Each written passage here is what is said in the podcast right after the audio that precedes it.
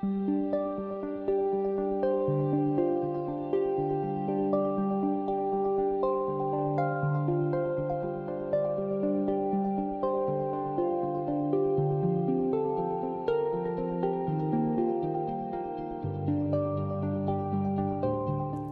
vill vi hälsa er varmt välkomna till den här premiären som vi har här. Jag heter Ida-Maria och jag sitter här med David och Mattias. Och vi jobbar som pastorer här i Habo Missionskyrka. Och Mattias, vill du säga någonting om vad det är vi ska göra nu? Ja, gärna. Det här känns jättekul tycker jag. Jag älskar ju att vända och vrida på saker. Eh, och I det här programmet som vi har kallat för Genomtänkt så ska vi göra just det. Vi ska titta på lite olika ämnen eh, och ta lite olika perspektiv och sen samtala om det. Och jag tror att om vi som kristna eh, reflekterar och funderar över olika delar av vår kristna tro så kommer det leda till en starkare gudstro och ett, ett mer reflekterat, en reflekterad tro där vi ser vad Gud gör och ser vad han gör i vår värld. Just det. Och innan vi går in i dagens tema så skulle vi bara vilja få lägga det här samtalet oss och er som är med där hemma i Guds händer. Och David, vill du be för oss? Yes. Tack Gud för att du är här. Tack för att du har eh, pratat till oss i våra tankar och våra funderingar. Ber att du eh, leder oss i det här samtalet som vi har nu, vi tre här. Att det får bli eh, ett samtal som för oss närmare dig, Herre. Så ber jag också för de som lyssnar. Ber att de får inte bara bli en stund av underhållning utan att det får bli en, ett möte med dig. Att vi, vi får närma oss dig på olika sätt, Herre. Led oss, Herre. Amen. Då ska vi gå in på det som är dagens tema. Och idag kommer vi fokusera på att vi har haft en predikoserie här i kyrkan med rubriken Ett liv inför Gud. Där vi har talat om olika delar av det kristna livet. Alltså vad handlar det om att leva inför Gud? Vad innebär det att leva som kristen? Vilka aspekter av livet täcker det upp? Och eh, ja, men vad gör det med mig och min gudsrelation? Och vi ska idag fokusera på tre olika aspekter, tre olika vinklar utifrån vad vi har predikat om. Och så ska vi försöka få till ett samtal om det, är tanken. Eh, David ska få börja med första vinkeln. Ja, men eh, jag hade bilden av eh, ett liv inför Gud, så hade jag bilden av att man eh, både faller ner inför Gud eh, på mm. knä att Gud får vara någon helig, någon man får visa respekt och vördnad för att jag får falla ner på knä. Men också att ett liv inför Gud innebär också att man får hoppa upp i knät på honom som en, eh, ja men Bibeln ger bilden av att man får ropa Abba fader som uttryck för närhet. Så att båda de delarna tänker jag ska finnas med i ett liv inför Gud. Det, det vill jag belysa på något sätt och, och det gjorde jag genom att berätta om eh, mitt finrum där hemma när jag växte upp. Eh, när jag växte upp så hade vi ett eh, största rummet i huset kallar vi för finrummet som vi aldrig gick in i förutom när det var kalas och när det var julafton i stort sett. Eh, mysigt rum på ett, eller det, det blev ett speciellt rum blev det liksom en, eh, en tyngd i det där rummet. Man, om man hoppade i soff, inte hoppade soffan i vardagsrummet hemma så att hoppa i soffan i, vardags, i, i, i finrummet där, det fanns inte på kartan. Liksom, utan det var ett rum med respekt och vördnad liksom, och man gick bara in där några, vid några särskilda tillfällen per år. Liksom så. Eh, och sen så reflekterar man över att konstigt att man hade ett sånt rum hemma. Så stort och så stor del av huset och så eh, använder man inte mer än den, de här, enskilda små tillfällena.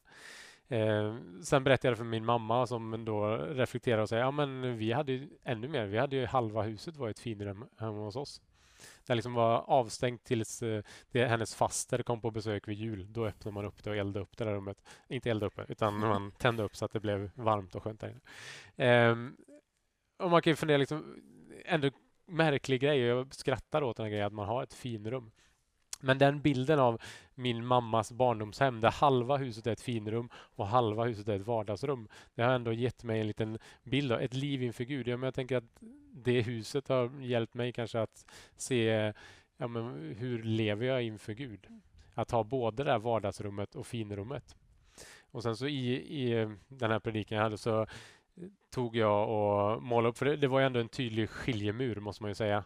Hemma hos mig var det särskilt så att man gick inte in där liksom om det inte var något speciellt tillfälle. Eh, det var liksom en tydlig gräns mellan finrum och eh, vardagsrum hemma hos oss. Eh, men i Bibeln då, så, så, tog jag utifrån Paulus i Efesierbrevet kapitel 1 till 3 så pratar han om hur eh, judar och hedningar, hur de har liksom eh, skiljemuren mellan dem har liksom suddats bort och försvunnit ner. Mm. Eh, att han har rivit skiljemuren däremellan. Eh, och jag ger lite bilden av det, för jag, jag tänker i Bibeln eh, ni får hugga in nu om ni tycker att det blir rörigt och inte hänger med. Mm. För ni säger, vad menar du? Eh, nej, men i, i, Bibeln så, så finns det ett, finrum, ett tydligt finrum eh, som finns där. Och det, det tänker jag är templet där, dit judarna vände sig för att tillbe och för att... Eh, ja, men en enorm vördnad och respekt för den platsen. Eh, liksom platsen där, mellan, där himmel och jord möttes på något sätt. Mm. Där, där, där tillbedjan till Gud var liksom centrum, templet, finrummet. Eh, och i det här finrummet, i det här templet, så fanns det längst in fanns det det allra heligaste. Där liksom, dit gick man bara in. En, en person gick där en gång per år. Eh, så heligt var det här mm. finrummet. Väldigt avskilt, väldigt avgränsat. Eh, och så ger Paulus bilden att vi eh, hedningar och judar, eller alla människor helt enkelt, skiljemuren mellan oss eh, har rivits ner. För i det där templet så fanns det olika gårdar för kvinnor, för män, mm. för hedningar och för prästerna. Liksom. Det fanns olika nivåer hur nära man fick komma det där finrummet, det där heliga. Och så säger han att ja, men de här gränserna har suddats bort. Skiljemuren är riven. Vi är ett folk. Eh, och sen kommer evangelierna som dessutom säger att till det där allra heligaste där rummet så fanns det ett förhänge som kallas för förlåten. Och så står det att när Jesus dör på korset så rivs den här förlåten mitt i tu och delas. Och det är mm. tydligare symbolik, tydligare bild går väl inte att komma åt. Liksom att det, där, det allra heligaste, det där finrummet där Gud var liksom kärnan på något sätt, det har öppnats upp helt för alla. Och det finns inga skiljemurar runt omkring. Så på något sätt kan jag tänka att det låter som det här finrummet hemma hos oss. Det har liksom bara exploderat. Nej, men alltså, allt har bara blivit ett enda hus kan man tänka. Eh, men sen när Paulus gör det i Efesierbrevet 1 och 3, så när han har konstaterat allt skiljemuren är nere, så säger han därför faller jag ner på knä inför Fadern. Och jag tänker, det blir lite så här, vänta lite nu. Först konstaterar han att allt är borta. Eller inte allt är borta, men alla de här gränserna är borta. Och sen så är plötsligt så är det som att han kliver in i ett finrum igen. Om du förstår, han faller ner på knä, mm. den här vördnaden och respekt. Det blir för mig en bild av att, ja men just det, gränserna är borta. Eh, det där de här... Um, ja, men det som kan... Uh, förhänget, förlåten är öppet, allt, allt är borta. Liksom, men men uh, bara för att det är borta innebär det inte att, uh, det, att finrummet inte finns kvar. Och där kan jag prata mer om. Jag känner att jag, jag, jag får stanna där lite. Men eh, poängen i det hela blir att jag, jag landar lite i det där huset som min mamma hade. Att det fanns ett tydligt finrum i det. Eh, och, och, så fanns det ett tydligt vardagsrum. Mm. Det som har skett egentligen med Jesus det är att det där gränsen däremellan, att man bara gick in en gång per dag eller, eller en, en, gång per år. Den är borta, skiljemuren är borta, eh, gränsen är borta. Liksom. Så vi, vi, kan röra oss fritt mellan. Vi kan kliva in i finrummet, vi kan kliva in i vardagsrummet. Det är ingenting som hindrar oss längre. Liksom. Det finns öppet där. Nej, men alltså, att, eh, att båda de här rummen finns kvar. Att mm. Det är det som är det viktiga, att man behåller spänningen däremellan. Att det, jag får inte släppa det ena. Jag tänker att nu är det allting bara vardagsrum. Läsk och kola med Gud, vilken härlig bild. Så här. Eh, fortfarande finns den här vördnaden på knä inför Fadern som Paulus faller ner inför också.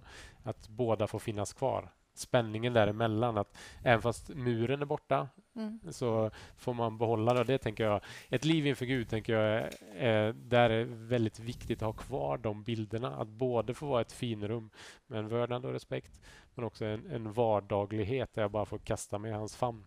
Just det. Ser, förstår ni min bild? Ja, Den blir lite... Um, ja. Tänker du att det finns en poäng av att de två rummen liksom ändå står kvar som två separata rum? Eller tänker du att det liksom har flutit ihop? Ja men, ja, men det är det jag tänker. Eller, och det här är ju bara en bild. Det är liksom Ja. inte så att jag tar... Men jag tänker ändå att det är viktigt att ha kvar... För, för om man bara flyter ihop, att det får bli Mm. liksom en, en, liksom en ny sorts rum. Så tänker jag att eh, risken är att det ena försvinner på bekostnad av det andra. Ja, just det. Och jag tänker att, att ha de tydliga rummen kvar gör ju fortfarande att ja, men jag vet att ja, men jag behöver ha vördnaden, jag behöver ha respekten för Gud kvar. Eh, och jag behöver också ha den här vardagligheten. Om det blir liksom något mellanting så kanske det inte blir något av det. Eller, Mm. eller att det blir allt på bekostnad av det ena. Allt blir ett vardagsrum. Liksom. Just det. Hur, eh, hur, om du ska göra ett exempel på hur de båda delarna kan se ut i ett, i ett vanligt kristet liv. Går det att... Eh, Alltså jag kan tänka- ja, ja, men du menar Ja, men respekten de, och de här, vördnaden? äh, båda rummen, om, om Mm. man kan ge exempel på det här är respekten, eh, nu är jag inne i vardagsrummet Ja. och nu är jag i eh, vardagsrummet, eller så jag i det mer lekrummet kanske, eller så. Ja, nej, jag, jag vet inte, det är svårt att liksom säga nu kliver jag in i det, men jag tänker att man, eh, inte de här rummen är viktigast att kvar, tänka att ja, men vi har de här två rummen på ett sätt, utan ha med bilden av det, om du förstår grejen.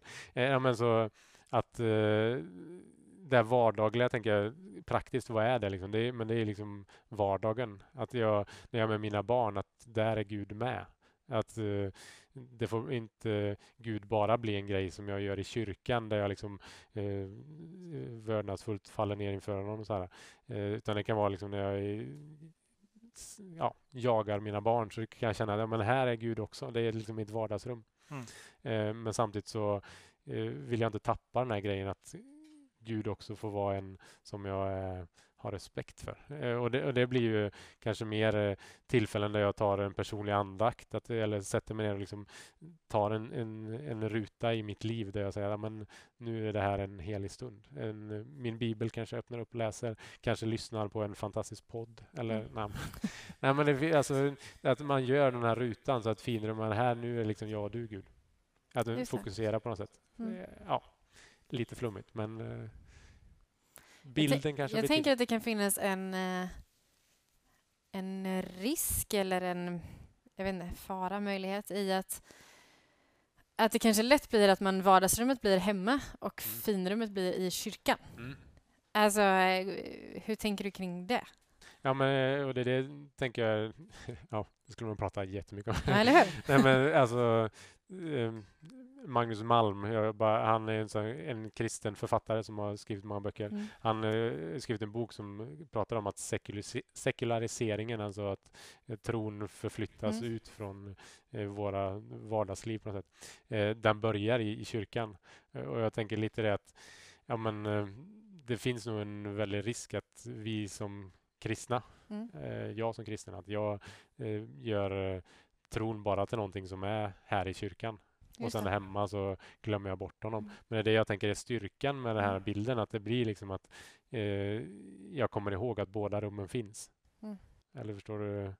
Just det. Eh, för om jag tänker att ja, men, allt, är, allt är ett och samma rum, då, då är det också risk att jag eh, det kanske bara blir i kyrkan eller kanske inte alls där hemma. Mm.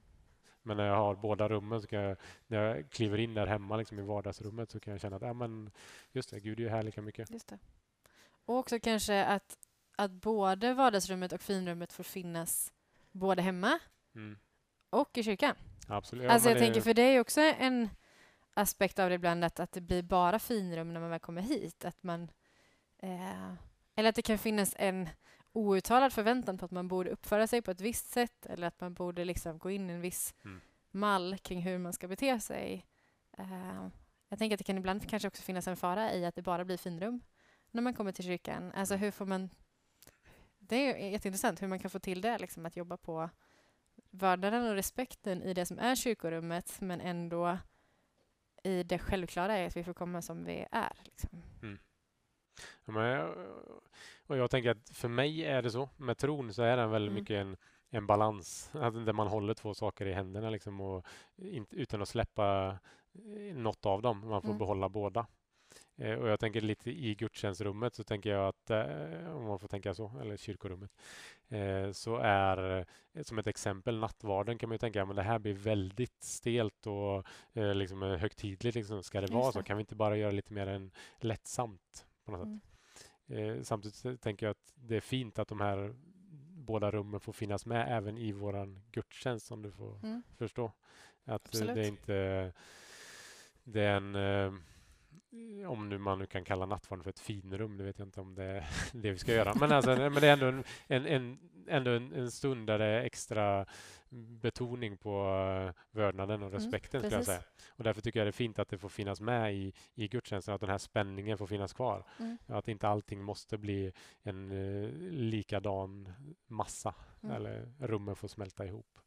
Och, så jag tänker ta med vardags... Att, ja, ja, men jag tror ni kanske förstått bilden. Mm. Absolut. Vad är det man eh, tappar eh, på de olika delarna om man inte har med? Vad tappar man när man inte har med det, det ena och det andra? Förstår du? Ja, men eh, jag, jag tänker att ett liv inför Gud. Att, Ja. att det, är, det är båda delarna. Att man måste följa med hela livet. Och jag tror inte att man bara kan leva i vördnad och respekt. Det blir ett svårt liv att leva. Mm. Eh, och samtidigt tror jag man tappar eh, utan vördnad och respekt och någonting. eh, Ja, men jag tänker som ett exempel. eh, För mig är vördnad och respekt mycket om en skapargud som jag får falla ner och säga att du är större, jag är människa. Och, Mm. så här. Eh, och det tappar jag den grejen så tappar jag en stor del av min vardags eh, också om du förstår. Mm. Så jag tänker att de, de måste hänga ihop för att få ett liv inför Gud. Jag tänker att vi rundar av den delen Mm. där. Yes. Och så går vi vidare på nästa. Då tänker jag att vi går vidare till nästa aspekt av det här temat, ett liv inför Gud. Vill du, eh, Mattias, ta oss vidare? Ja, när vi eh, samtalade om det här ämnet och den här predikoserien då, då skrev man vilka, vilket ämne man ville ha i vår gruppchatt som vi har i, bland de anställda. Och då skrev jag att jag vill ha eh, andligt motstånd Mm. och andlig kamp. Och då skrev David, vill, vill, behöver du samtal? Exakt. Det är lätt. när man eh, fokuserar på de två ämnena. Eh, och Det kan ju låta märkligt, men jag tror att det är så att vi behöver prata lite mer eh, om, om de här två ämnena. Motstånd både i form av att möta motgång, men också Mm. andligt eh, motstånd. För att jag tror att vi gör det lite för lite. Och Jag lyssnade på en annan podd med Joel Halldorf. Han pratade om att om vi inte pratar om de sakerna, Mm. eh, då finns det andra som gör det. Och då eh, kanske inte har en, en, får en sund bild av det. Eh, och jag tog i min predikan bilden av, när det kommer till just andlig kamp, att det är lite som att man ska springa ett maraton och eh, man förbereder sig och man, är, eh, man köper rätt skor och man äter rätt mat. Och precis innan starten, när man står vid startlinjen och, och väntar på startskottet, då springer tränaren som man har fram och säger att du, inför loppet nu så kommer det vara, under loppet så kommer det vara människor som kommer göra allt för att förstöra för dig, för att som fälla dig och, och säga taskiga saker för att du ska känna dig modfälld. Eh, och då ska man undra, varför har ingen berättat det här för mig? Eh, och lite samma sak när det kommer till den kristna tron, eh, att det här, alla, alla kristna möter i någon form både motgång och motstånd.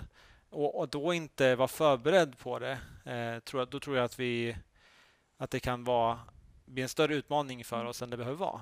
Så därför tror jag att vi behöver prata lite mer eh, om det. För att Bibeln eh, i väldigt stora drag pratar om just andlig kamp. Alla fyra evangelierna nämner det. Och en evangelist går så långt så att han säger att hela eh, världen ligger i den ondes händer. Och då inte prata om det, det, tr- det tror jag skulle vara att inte lyssna på det som Jesus faktiskt säger. Mm. Eh, och Paulus han skriver att just när det kommer till andlig kamp då, att eh, vi blir inte lurade av den ondes planer därför att vi vet hans strategi. Eh, och då, då menar jag att kyrkan i ganska stor grad idag inte är medveten om hans strategi. Vi vet inte hur det ser ut om en demon eller, eller det onda skulle infiltrera en, ett universitet, en skola, en, en kyrka. Eh, så jag, jag försökte lyfta i min predikan några sätt som eh, Satan jobbar på. Och Jag tror att det som kan förvåna oss där det är att vi tänker ofta när man lyssnar på just undervisning om andlig kamp att det handlar mycket om högljudda böner, det handlar om eh, att man talar emot och att det blir ganska starka uttryckssätt. Men jag tror att i de allra flesta fall så är eh, Satan vad man ska kalla listig. Mm. Eh, jag tog bilden av att jag eh, när jag var ung så gick jag på, på jutsu Eh, och så åkte jag på ett läger eh, och då var det en mästare där. Och han, då, då föreställde jag mig när jag fick möta honom att han skulle göra så här tranan, stora, starka, överdrivna rörelser. Men det han gjorde var att han var listig. Så han, han fejkade ett slag som jag gick på och så kunde han komma åt mig. Hade han slagit direkt då hade jag kunnat stoppa det, men han var listig och då så kunde han stoppa det. Och Jag tror att det gäller eh, eh, hur den onde, eh, onde, andligt motstånd kan se ut också. Så jag tittade på Första Mosebok och eh, tog några strategier därifrån eh, när ormen som identifieras som Satan eh, lurar människorna eller får människorna på, på fall. Och Då tog jag nummer ett, eh, att han utmanar Gud som auktoritet. Eh, är det verkligen han som har möjlighet att ge befallningar i mitt liv. Mm. Att han ifrågasätter det. Och Det var lite som du pratade om också, tänker jag, att, att man får ha den här vördnaden inför Gud. Att han faktiskt får respekten. Han kan säga till oss vad vi ska göra för någonting. Mm. Men Satan är det, säger, är det verkligen han som har sagt det här? Är det verkligen... Eh, ska ni verkligen lyda honom? Hur mycket makt har han i våra liv eh, egentligen? Eh, nummer två, det var att han presenterar Gud som att han är osäker och begränsande. Eh, det här, det här pratar om vår gudsbild. Eh, och det, det, faller tillbaka lite på tvåan, men att eh, vilken bild har vi av Gud? Är han en Gud som bara vill komma med massa befallningar, massa regler som egentligen inte har någon grund? Vi kanske ibland kan säga eh, Okej, okay, jag kan följa dig Gud om jag förstår, om jag, om jag vet exakt anledningen till att du Eh, förbjuder det här. Men här är frågan, kan Gud få vara Gud Eh, ändå, fast vi inte förstår. Och lita på att han vet bäst. Det tredje eh, av fyra det var att han förminskar utfallet av att göra uppror mot Gud. Alltså han säger om ni äter av frukten så ni ska visst inte dö. Gud har sagt att ni ska dö om ni äter av frukten, men, men han, han överdriver lite Gud. Eh, och, och, samma sak för oss. Vi, man kan säga att eh, ja, men, alla syndar. Det är inte så farligt. Och så förminskar man vad det betyder att faktiskt eh, synda mot en helig Gud. Så det kan vara en strategi. Och Den fjärde som jag nämnde det var att han eh, splittrar oss, eller han vill splittra och söndra, kallar jag det för. Eh, jag skulle säga att den främsta strategin som, som används i andligt motstånd det är oförlåtelse. Mm. Det, Paulus säger att om vi går och lägger oss och inte har försonat oss, då finns det en öppning för, för djävulen att få jobba in i våra liv. Och Det här kan se ut så att jag, jag kanske blir sur på någonting någon har sagt eh, och så bär jag på den här eh, ilskan mot den personen och så talar jag illa om den personen i alla sammanhang jag möter. Jag kanske, när jag möter den personen så är jag lite kallare, eh, lite hårdare och till slut så växer det här till, någon, till någonting större och det skapar splittring. Så jag skulle säga att, att Satan i många fall är, han är tycker att det är okej okay att vi startar nya kyrkor, att vi träffas. Men så länge vi inte gör det på ett eh, sätt som, där vi kommer tillsammans, mm. där vi kommer nära varandra. Så han älskar att söndra på det sättet. Eh, och när vi, har, när vi vet om de strategierna, då kan vi också eh, vara beredda på dem och möta dem. Eh, så det tror jag är en viktig del av det här med andligt motstånd. Mm. Men jag tänker någonstans att den eh, givna frågan i det här ämnet är ju varför vi som kyrka inte pratar mer om det. Alltså jag tänker att Bibeln är ganska tydlig. Eh, Jesus är ju väldigt tydlig med en ond verklighet och att det är något som existerar. Men ändå så är det någonting som vi i kyrkan är ganska obekväma i att tala om. Mm. Vad tänker du att det beror på? Men en aspekt som jag tänker på det är ju att eh, som jag nämnde i början så finns det människor som har pratat om det här. Mm. Eh, ofta med yviga rörelser, med, med högljudd bön och det kan hända att den associationen, mm. eh, är, man vill inte närma sig och vara lik den, det sättet att hantera det på. Det. Eh, lite som att man ibland pratar om att jag vill inte evangelisera för jag vill inte slå Bibeln i, i huvudet på folk. Mm. Men, i, men i verkligheten så är det inte så många som gör det. Men det har funnits de människorna som gjort det och då vill man inte ens vara i närheten mm. av, av det. Och likadant här då, att det finns någon, eh, ett sätt att hantera det på som man inte vill vara nära. En annan aspekt som jag också eh, tänker på det är att vi i stora delar har en naturalistisk eh, miljö som vi finns i, mm. där man tänker att eh, det övernaturliga händer inte på samma sätt. Vi, och även om man som kristen tänker sig att Gud är verklig och, och att eh, han kan göra mirakler så är, påverkas vi av den här eh, sättet att se på världen.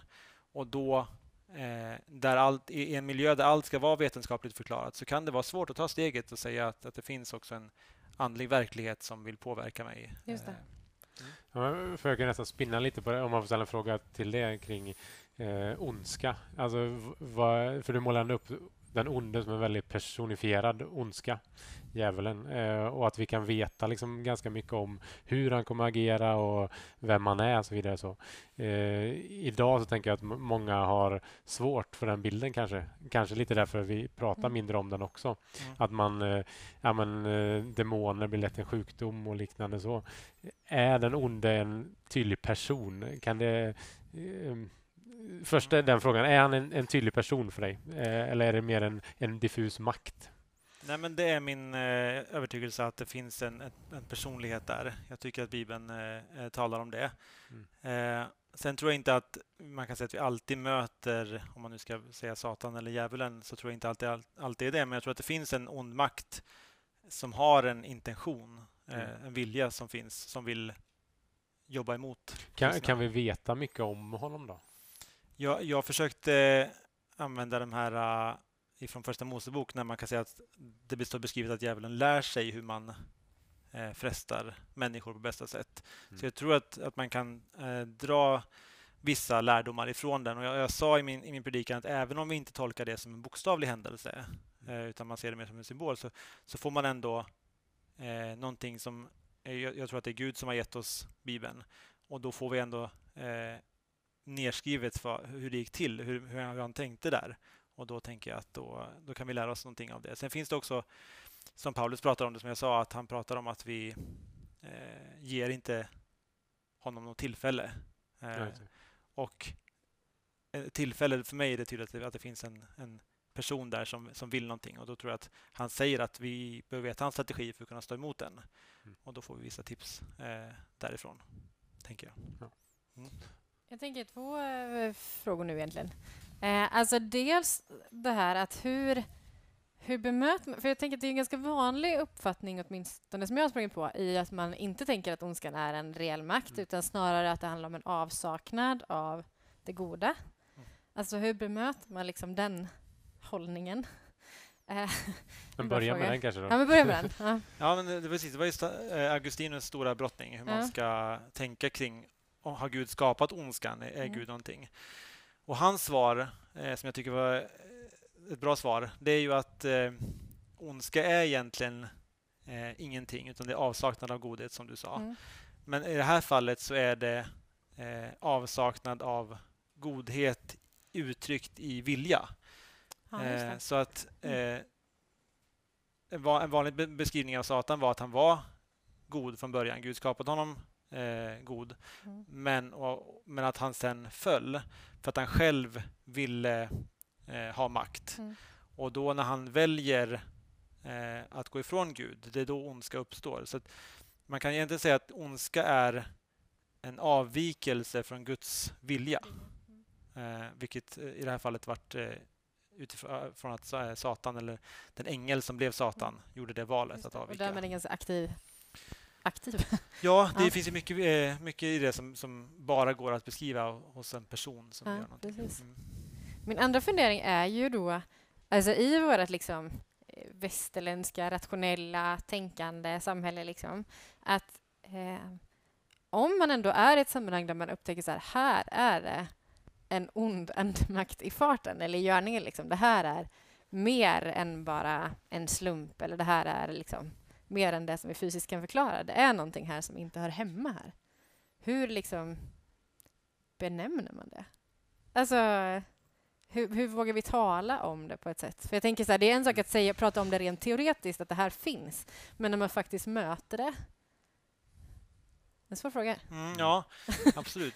Jag, jag kommer att tänka på, ett, eh, på en vän till mig som är pastor i en annan eh, församling i en annan stad. Och han eh, upplevde vid tillfälle för ett tag sedan väldigt tydlig sån andlig Mm. kamp. Eh, och han uttryckte själv att det här har jag ingen träning på som Nej. pastor, utan jag vet inte ens hur jag hanterar det här. Mm.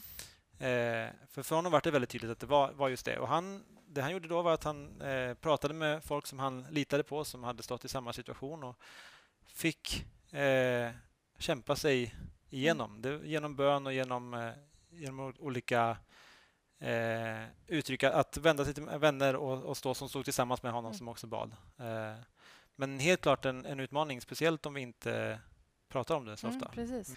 Ja, men om, om jag får flika in en eh, ytterligare fråga där också bara. Eh, Ämnet var ju andlig kamp som du hade. Eh, och där tänker jag att det är ett stort ämne, ett, ett svårt ämne.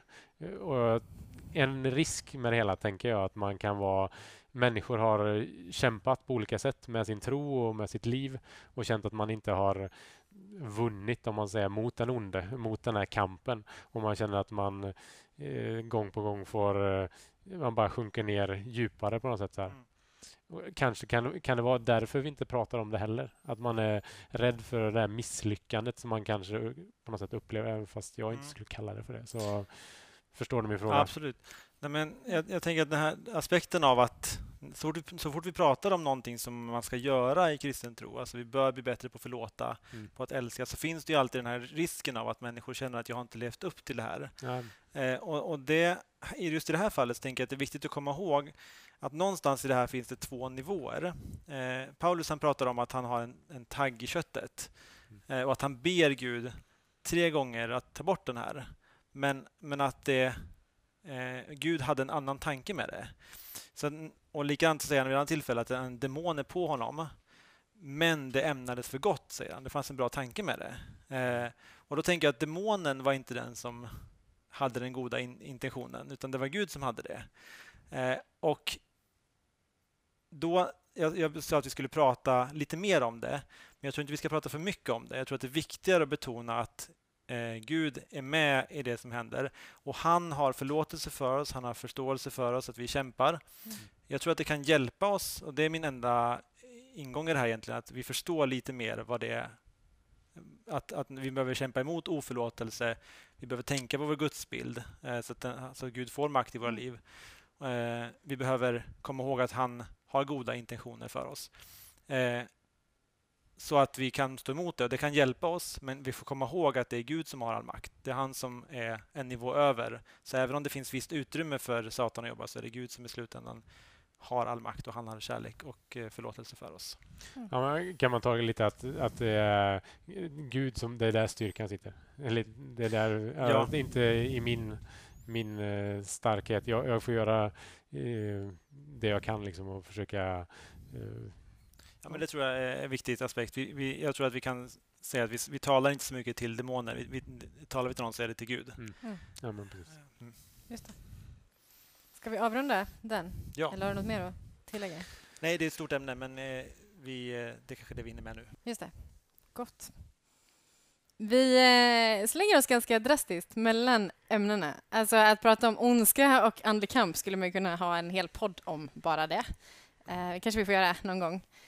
Eh, men vi skulle ändå vilja få lyfta in en aspekt till eh, som är då det jag har predikat om. Ehm, och jag tänker framför allt, någonstans kanske rubriken är att vågar vi liksom faktiskt tänka att vi kan få lämna allt till Jesus. Hela vårt liv, att det inrymmer allt. Ehm, vi hade för, eh, eller för två år sedan ungefär så fick alla svenska hushåll hem en broschyr eller en skrift som Myndigheten för samhällsskydd och beredskap skickade ut som hette När krisen eller kriget kommer. Och jag, vi noterade nog inte ens att vi fick den utan tänkte väl bara att det där är ett reklamblad som vilket som helst. Eh, tills vi kom hem till min mamma. Och när vi kommer dit då har hon liksom förberett, plockat fram det här häftet och håller liksom en lång utläggning för oss om hur viktigt det är att vi fördjupar oss i den här, att vi har koll på vad det är man ska ha hemma om det blir krig, eh, vilka, sam, liksom, vilka myndigheter man behöver ha koll på, telefonnummer och allt sådär. Ehm, och jag vet att jag då liksom skrattade lite åt henne och tänkte att det där är ju så bisarrt. Alltså, vad, vad, vadå, vi skulle väl inte drabbas av krig? Den tanken är så avlägsen i Sverige. Och vad finns det för kris liksom, som skulle kunna drabba oss? Alltså, det stod ju ingenting om några pandemier eller epidemier eller ekonomisk kollaps i det där häftet. Och nu två år, inte ens två år senare, så är vi ju där i en väldigt nation, liksom, internationell kris. Och så någonstans i det så har jag gått med det här temat att vad är det att faktiskt våga leva ett liv inför Gud i den situationen. Alltså det känns som att på ett sätt så kom vår predikoserie av sig när coronaviruset kom, precis som alla samhällsfunktioner kom av sig.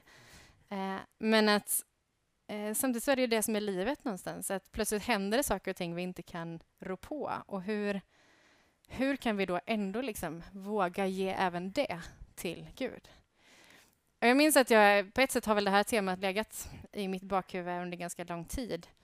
Och jag kommer ihåg att hösten 2015 när vi får ta emot mängder av människor i Sverige som ju faktiskt kommer från en reell kris och krig. Alltså de som flyr till vårt land och som har lämnat allt och precis allting de står i och allting de har, deras eh, jobb, familjer, all form av skyddsnäst. Och så kommer de hit. Och så minns jag att jag, jag hade förmånen den hösten att få möta en del av dem. Och så hade vi suttit vid något eh, tillfälle eh, på vår alfakurs i kyrkan där jag var med då. Och så var jag på väg hem därifrån och vi hade väl pratat om liksom livet och eh, vilka de var, deras historier och allt de har med sig. Och många av dem hade ju flytt på grund av sin tro. Att man har konverterat till en kristen tro och så fått lämna allt på grund av det. Och så kom jag tillbaka liksom från den där kursen hem till våran villa och vi bor ju i Mullsjö i ett ganska liksom, stilla, fridfullt samhälle. Slår mig ner i våran soffa i våran villa Eh, och så har vi såna stora fönster ut mot sjön. Och så vet jag att jag satte mig där och tittade ut på det här samhället och bara... Det här är så långt ifrån min verklighet som jag lever i, det de just nu har gått igenom. Och jag vet att jag någonstans där och då tänkte att... Alltså, skulle jag, om den situationen blev verklig, liksom, skulle jag vara beredd att ge upp allt det här för min tro? Alltså skulle jag vara beredd att liksom ge upp allt det jag har förvärvat, allt det jag har eh, tjänat ihop, allt det som vi har byggt upp som familj, eh, våra liksom arbetsplatser, karriärer, våra egendomar, tekniska lösningar, men du vet allt som vi har, våra bilar och hem och hus och så, eh, för min tro. Och någonstans där kanske eh, rotar sig liksom en fråga i mig, vilket är en skrämmande fråga som pastor, att är Jesus verkligen nummer ett för mig? Alltså är det liksom värt allt? Vågar jag faktiskt lämna allt i Guds händer? Och jag tänker att någonstans så är det den yttersta frågan i ett liv inför Gud som någonstans kanske rundar av allting. Alltså hur mycket plats får Jesus i min tillvaro? Eh, och jag tänker någonstans att, att det blir lätt så att vi liksom bygger upp våra liv och våra scenarior eh, och vår vardag och så blir liksom den kristna tron en privatsak som läggs ovanpå allt det andra. Att här har jag liksom mitt hem, mitt liv, eh, här har jag mitt jobb, här har jag mina fritidsintressen, här har vi barnen, här har vi morföräldrar, allt det där. Och sen här har jag min tro. Alltså jag tänker lite där finrummet eh, också, att här är det, där får det plats. Men det Jesus gör, och som han är så tydlig med i Bibeln, är ju att han... Det är ju inte det han vill ha, utan han ger ju anspråk på så mycket mer. Att han säger att men jag är det enda du behöver. När jag predikade så använde jag mig av Johannes evangeliets sjätte kapitel, när Jesus talar om sig själv som livets bröd. Och han har precis eh, haft gjort det här undret när han mättar flera tusen människor med fem bröd och två fiskar. Och så drar han sig undan och så följer liksom människorna med. Fast Jesus försöker liksom komma iväg så fortsätter folk att följa efter och vill hylla honom och ära honom som kung. Och så ställer han sig mitt inför dem och så predikar han och så säger han i princip att men ni kom ju bara för att ni blev mätta på det här. För att ni fick liksom era världsliga behov tillgodosedda. Eh, men jag är livets bröd. Och så börjar han liksom lägga ut den texten om att hur att leva av Jesus är det enda vi behöver. Att varför förlitar ni er på allt det andra? Varför sätter ni så mycket värde och så mycket fokus på det andra? Liksom? Det här är det enda ni behöver. Och jag tänker någonstans, eh, kanske är det det jag vill blanda liksom den här eh, avsnittet i just nu. Alltså att, att vågar vi liksom, och vågar jag någonstans tro på att han faktiskt är det enda. Eh, att faktiskt våga lita och luta med hela mitt liv i hans händer och tro på att det håller. Och jag tänker i den kris som vi ändå står i just nu, eh, som värld så blir den frågan någonstans extra relevant. Alltså hur mycket av allt andra liksom, som jag har hållit fast i som just nu hotas att raseras. Alltså, vi är så många av oss som eh, varslas, som permitteras, som riskerar att bli av med sina jobb, som där ekonomierna faller. Eh, för att inte tala om alla som faktiskt blir sjuka, som förlorar människor i, i, liksom, till följd av det här viruset som pågår nu. Alltså vågar jag liksom lita på att Gud även har koll på min, mina pengar, min ekonomi, mitt liv, min hälsa. Allt det där är egentligen sekundärt. Eh, att det liksom fokuset handlar om ifall jag vågar liksom lägga allt i hans händer och lita på att han bär det, att han håller det. Eh, och någonstans också kanske en fråga att vad är det som kommer först? För att om, om allt det där jag har byggt upp i första hand inte är mitt, utan Herrens. Om liksom allt det jag har och allt jag har välsignats med och allt jag kanske har förtjänat någonstans ytterst sett inte är mitt eget utan Guds, då är det ju inte hela mitt liv som raseras nu. Utan då var det ju faktiskt aldrig mitt från början heller. Utan någonstans handlar det om att det här har jag välsignats med och någonstans så tror jag att Gud Gud ändå bär bortom det och att han håller mig ändå. Att jag kan få, liksom, få vila i den vissheten att vad jag än vet och vad jag än möter så bär han mig ändå. Vågar vi det? Liksom? Um, det är ju det han gör anspråk på att vara. Att jag är det enda du behöver. Att du måste lämna allt. Liksom. Det handlar om att förneka sig själv och ta mitt kors. Alltså att eh, vågar jag liksom verkligen le, luta mot honom? Och någonstans tänker jag att det också kopplar an till till tillbedjan med, eller när jag har tänkt på det här ämnet. Liksom, att, ja, men om grunden för hela min tillvaro och för allt det jag är eh, är att jag i första hand är skapad av Gud, uttänkt av honom. Allt det jag har är ytterst sett från honom och till honom. Någonstans blir det då hela mitt liv en lovsång till honom, eller hela mitt liv blir en tillbedjan till honom. Att allt det jag möter någonstans handlar om att jag får vila i Guds händer. Så där någonstans är jag i mina funderingar och vart jag har rört mig. Alltså, I att, eh, att är det liksom våran tro, att det här bara är en privat sak som är en liten krydda ovanpå allt annat och att ber att Gud ska liksom tillgodose mina världsliga behov och bekymmer? Eller tror jag att han faktiskt är grunden i allt det som är mitt liv? Och jag tänker också att Johannes 6 då, det som händer efter den här predikan Jesus har hållit om jag är livets bröd, det är att han vänder sig, att lärjungarna går därifrån, flera av dem som varit samlade, och säger att det här är outhärdligt, vi orkar liksom inte lyssna på det här. Det blir för mycket. Eh, och så vänder sig Jesus till Petrus och så säger han att vart ska ni gå? Eller ska ni också lämna mig nu? Liksom? Och så säger han, och det är ju någonstans ett ord som har levt med oss under den här tiden, att ja, men till vem skulle vi gå? Du har det eviga livets ord. Eh, till vem skulle vi gå? Och där tänker jag att eh, jag kanske ändå summerar mina tankar. Alltså, till vem skulle vi gå? Och vågar jag liksom leva i den lydnaden till Gud? I att faktiskt ge mitt allt till honom. Ja, spännande. Nej, men, eh, får, får, jag flika in en fråga där? Ja, flika in, men ge en fråga. Alltså, att ge sitt allt är ju ett mm totalt drastiskt eh, enormt eh, utmaning för vem som helst. Här. Mm. Eh, räcker det att säga jag ger min strävan? Alltså jag strävar mot att ge mitt allt. Eller är det faktiskt att ge allt? Förstår du min skillnad? Ja. Att, att, är det riktningen som är det viktiga eller är det att faktiskt ge allt? Alltså, har du några tankar där? En, alltså, jag, jag tänker tänker nog spontant att jag skulle vilja önska är att det räcker med att jag ger min strävan. Ja. Men jag tänker att eh, Jesus är tydligare än så. Ja. Eh, men däremot så tänker jag att vi får också leva av nåd.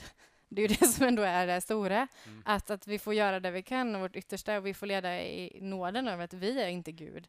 Vi kan inte klara allt. Jag måste inte kunna prestera allt utan han har redan gjort allt. Mm. Han har gjort allt möjligt. Jag får leva i den nåden. Liksom. Men jag tänker ändå att Bibeln är ganska tydlig på att det faktiskt handlar om att ge mitt liv, att ge allt det jag har till honom. Um, och i och med att den är så tydlig så blir jag också enormt beroende av den där nåden. Mm. eller enormt beroende av att jag faktiskt får eh, eller kanske också får inse i att det är en befrielse och att det är en förmån att faktiskt också få lämna mitt liv i honom för att han vill mig väl. Kan, kan det vara att om, man, om ingången är att min strävan räcker, då kan det bli som att man blir, då kommer man inte komma hela vägen, för då är jag nöjd bara jag kämpar lite. Men om, men om målet är att man ska ge allt, då räcker strävan. Alltså vi kommer inte komma fram dit, Nej. men, Mm. men Gud ser mitt hjärta, han ser min längtan. Men om jag går in med ingången att ja, men nu kommer jag, det räcker med att jag strävar, då kanske vi inte kommer så långt. Kan det också vara olika personer där? Alltså för vissa skulle det vara bättre att få höra strävan. Alltså, Mm. Och för vissa så är det att ge sitt allt. Så här, alltså, vi kanske nappar på den utmaningen olika beroende på en del kanske mer eh, att jag ställer frågan Mm. är för, för vi hade tidigare hade vi ett eh, tema som hette helhjärtad Mm. och det är liksom att ge hela sitt hjärta. Jag, jag tycker att det är ett härligt och jag gillar det här Mm. budskapet. Men eh, sen så hörde jag några andra som hade temat lite närmare. Ja, Jag tänkte, just ja, men ja, det kanske är klokare tänkte jag. Alltså reflektera liksom då. Så det är Mm. där jag är i tanken Mm, också. Jag, jag tänker att man, det finns en, ja, den här tvåsidigheten Mm. igen där liksom. Men vilket, eh, ja. mm. Och det kanske också hänger ihop lite med det du var inne på när vi talade om det här med det, det ondskan. Liksom. Att, att det också har att göra med vad man har med sig för bagage själv. Mm. Alltså vad, hur har man liksom blivit matad med det här? Eller hur eh, mycket tycker man att det hänger en prestations... Att det blir en prestationskramp i det då? Att då blir det liksom en låsning istället för att det känns som en utmaning som jag är villig att ta mig an. Alltså jag tänker att mycket har nog att göra med vårt, eh, vad vi har med oss liksom, i bagaget. Jag tänkte på en annan aspekt av det du sa. Jag har en vän som är uppväxt i Sudan under väldigt fattiga eh, omständigheter och har flyttat till Sverige nu. Då. Han är missionärsbarn men, men jobbar som robotforskare idag och tjänar eh, betydligt mer Mm. och har kämpat liksom med det livet nu när man Mm. har just eh, allt man behöver. Man har liksom för mycket. Eh, kan jag leva för Gud nu? Och då, då kan det nästan vara svårare att leva för Gud när man har allt man behöver. Mm. Och nästan att det blir lättare det. att, att ge allt när allt försvinner. Mm. När, man, när Gud är det enda man har. Mm. Eh, där det, det krävs en förtröstan på Gud, men vilket vi inte alls behöver på samma sätt när vi Mm. har allt vi behöver. Precis. Så, och då är utmaningen istället att kunna ge allt och ändå ha det kvar på något sätt. Ja, precis. Mm. Just det, kunna överlåta allt det jag har fast jag ändå har välsignats med det här och vad gör jag av det? Ja, Liksom. och då ja. är frågan vad det Det är ju en, jag tycker det är en intressant tanke Mm. för att jag, det jag har pratat med honom om det är ju att det behövs ju kristna inom robotforskarvärlden eller i de villorna som man kan bo i då Mm. också. Så att Mm. man kan ju fortfarande, det finns ju fortfarande en möjlighet att ge Gud allt där eh, och, och leva för Gud där. Men jag tror att det är en större utmaning. Mm. Eh, och det kan man väl se också i, i, länd, i västvärlden där vi ofta har det bra. Att där är Gud inte lika eh, framträdande som i andra länder där det, där det är sista hoppet, enda Mm. hoppet. Hade Ja, men, eh, ja, men jag, hörde, jag hörde någon som sa att, eh, eh, men att vi kan ju liksom ha välsignats med rikedomar, men att vi gör det utifrån att det ska få bli till Guds rikes välsignelse, inte till våran välsignelse. Och jag tänker att det ligger ganska mycket i det, att jag tror inte att det är något fel i att tjäna pengar bara för den sakens skull. Jag tror inte att det är ett fel i att liksom driva upp företag eller satsa på karriärer. Men någonstans måste vi fundera på, eller ta stora villor heller för den delen. Men frågan är för vems skull gör vi det? Eh, och vem är det som liksom får äran av det vi gör? Eh, och det kanske någonstans är liksom aspekten av det, att, att vad är äran för mitt liv? I vems händer ligger det? Nej, men, ja, byter lite spår där. Men Mm. alltså, eh, förebild. Jag tänker du, nu, vi har predikat alla tre, eh, Mm. pastorer. Eh, och det handlar ju om att vara förebilder på ett sätt. Och det här är ett sånt ämne som Mm. kan skapa väldigt mycket samvete, samvetskval och eh, både även eh, andlig kamp och sånt också. Så här, samvetskval, så här, men räcker jag till och så Mm. vidare. Så. Kan du känna att man, är det svårt att predika ett sånt ämne? Är det svårt att Känner man sig själv tillräckligt som förebild att kunna Vem är jag att säga de här orden? Ja, just det. Absolut. Alltså, nej men alltså, jag tänker att jag predikar ju minst lika mycket till mig själv som jag predikar till andra. Mm. Eh, alltså det hade ju varit mycket lättare om jag bodde i en liten hydda ute i skogen med inga, inga saker alls. Men nu är ju verkligheten inte sån, utan verkligheten är ju att jag har ganska väl privilegierat samhälle. Liksom. Och, eh, och förutsättningar runt omkring mig. Och det är ju, det är ju inte en gång vi pratar om detta hemma, utan ganska ofta. Liksom, att behöver vi verkligen det här och för varför? Hur mycket ligger i mitt eget ha-begär och hur mycket ligger i att vi faktiskt behöver det? Mm. och vad ska vi göra med det när vi väl har, eh, har det? Liksom? Så jag tänker att det är väl en jätteutmaning och det kanske är en av de större utmaningarna vi har, i, liksom, inte minst i ett samhälle som Habo, där väldigt många har det väldigt bra. Mm.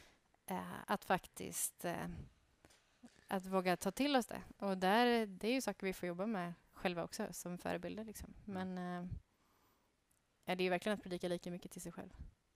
Ja, men det är alltså den klassiska bibeltexten är den rike mannen som mm. eh, lämnar allt, här, eller får uppmaning att lämna mm. allt och han går därifrån bedrövad. Liksom. Mm. Eh, det är en hård text. Ja, det, är, det, är, en sån som eh, hugger tag i liksom. Så det är mm. det samvetskänslan ja, jag får reflektera över. Mm. Mm. Ska vi runda av det här? Eh, jag tycker vi har haft ett bra samtal ändå. Alltså, vi och ändå, ju... ändå så finns det ju mer vi skulle kunna säga. Ja, verkligen. Precis. Eh, vi har ju valt att kalla det här eh, för genomtänkt. Någonstans har vi ju tänkt igenom väldigt mycket, mm. men vi är ju samtidigt inte färdiga, tänker jag kanske. Eh. Nej, ja, det finns mycket kvar att säga. Mm. Och tanken är väl att vi ska komma tillbaka och ta upp andra ämnen också. Precis. Mm. Vi hoppas att vi är tillbaka om två veckor, kanske. Ja, jag är tillbaka om två veckor. Du är tillbaka om två veckor. Ja, vad härligt. Vi är tillbaka om två veckor. Vi tackar er som har varit med. Eh, tack för att ni har lyssnat eller tittat och vi hoppas att ni också har eh, tyckt att det har varit ett eh, gott samtal. Gud välsigne er där ni finns.